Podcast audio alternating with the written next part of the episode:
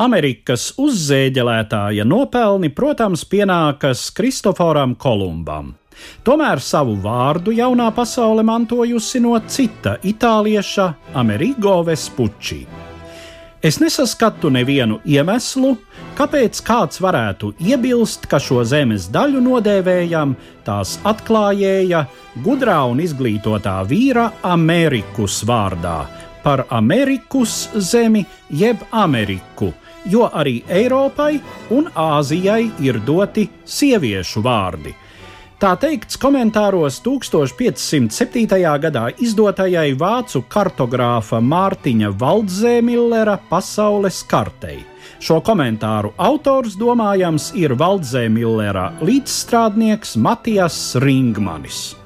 Florences notāra jaunākais dēls Amerigo Vespucci ieradās Kastīlijas karaļvalsts lielākajā ostas pilsētā Kadisā 1492. gada martā kā slavenās magnātu Medici dzimtas pilnvarots lietvedis. Tikai dažus mēnešus vēlāk Kolumbs devās savā pirmajā kuģojumā pāri Atlantijai. Nākamajos gados ekspedīcijas uz rietumiem sekoja cita citai, un arī uzņēmīgais florencietis Vespucci atrada šai sfērā pielietojumu savām dotībām. Viņš kļuva par kontraktoru, apgādājot ar proviantu un citu nepieciešamo ceļotāju flotes, tā skaitā piegādājot gaļas produktus vismaz vienai no vēlākajām Kolumba ekspedīcijām. Arvien vairāk iesaistoties aizokeāna zemju izpētē, Amerigo Vespucci kļuva par vienu no sava laika atzītākajiem jūras ceļojumu organizēšanas, kartogrāfijas un navigācijas lietpratējiem, mūža nogalē ieņemdams īpaši viņam Spānijas kroņa radīto galvenā Indijas kuģojumu navigātora amatu. Par to, kad Amerigo pats pirmo reizi kāpis kuģī, lai dotos pāri okeānam, atrodamas dažādas ziņas. Kā avoti pamatā kalpo paša Vespučī rakstītās vēstules ar plašiem kuģojumu aprakstiem, kuras 16. gadsimta sākumā kļuvušas plaši pazīstamas Eiropā, tā skaitā jau pieminētajiem kartogrāfiem Valdzēmilleram un Ringmanim. Tomēr vēlāko laiku pētnieki nereti apšaubījuši Vespučī aprakstu tekstu patiesīgumu, kā arī to, vai šīs vēstules vispār uzskatāmas par autentiskām.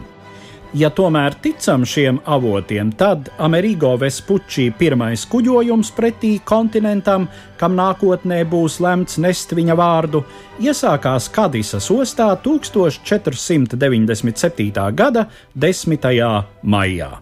Tāpat, ja ticam vēstuļu autentiskumam, tad vienā no tām, kas 1502. gadā nosūtīta banķierim Lorenzo Pierfrancesco Medici, Amerigo pauž domu, ka viņa apmeklētās zemes ir daudz plašākas nekā agrāk domāts, un tik lielā mērā atšķiras no Ptolemāja un Marko Polo aprakstītās Āzijas, ka liek domāt par jaunas, līdz tam nezināmas pasaules daļas atklāšanu. Tomēr cik stingri viņš pats pie šīs domas turējies, to šodien grūti spriest, un diezgan noteikti 1512. gadā mūžībā aiziedams. Amerigo Vespucci nenojauta, ka viņa vārdā tiks nodēvēts viss grandiozais zemes masīvs, no kura viņa dzīves laikā bija iepazīta vēl tikai neliela daļa. Arī Valdzēmillers un Ringmanis taisnību sakot bija domājuši Amerikas vārdu piešķirt tolaik izpētītajai Dienvidamerikas daļai, kuras apzināšanā Vespucci arī ir vislielākie nopelni. Taču 1538. gadā Amerikas vārdu nu jau attiecinot uz visu jauno pasauli, savā pasaules atlantā ieviesa flāmu kartogrāfs Gerards Merkators, un viņa darbu popularitāte lielā mērā arī noteica šī nosaukuma nostiprināšanos. Faktors, kas domājams ļoti veicināja nosaukuma izplatību, bija tā literārā kvalitāte.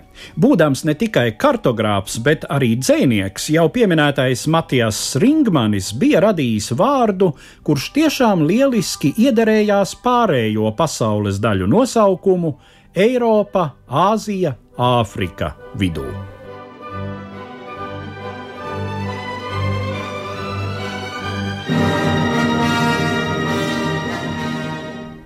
Stāstīja Eduards Liniņš.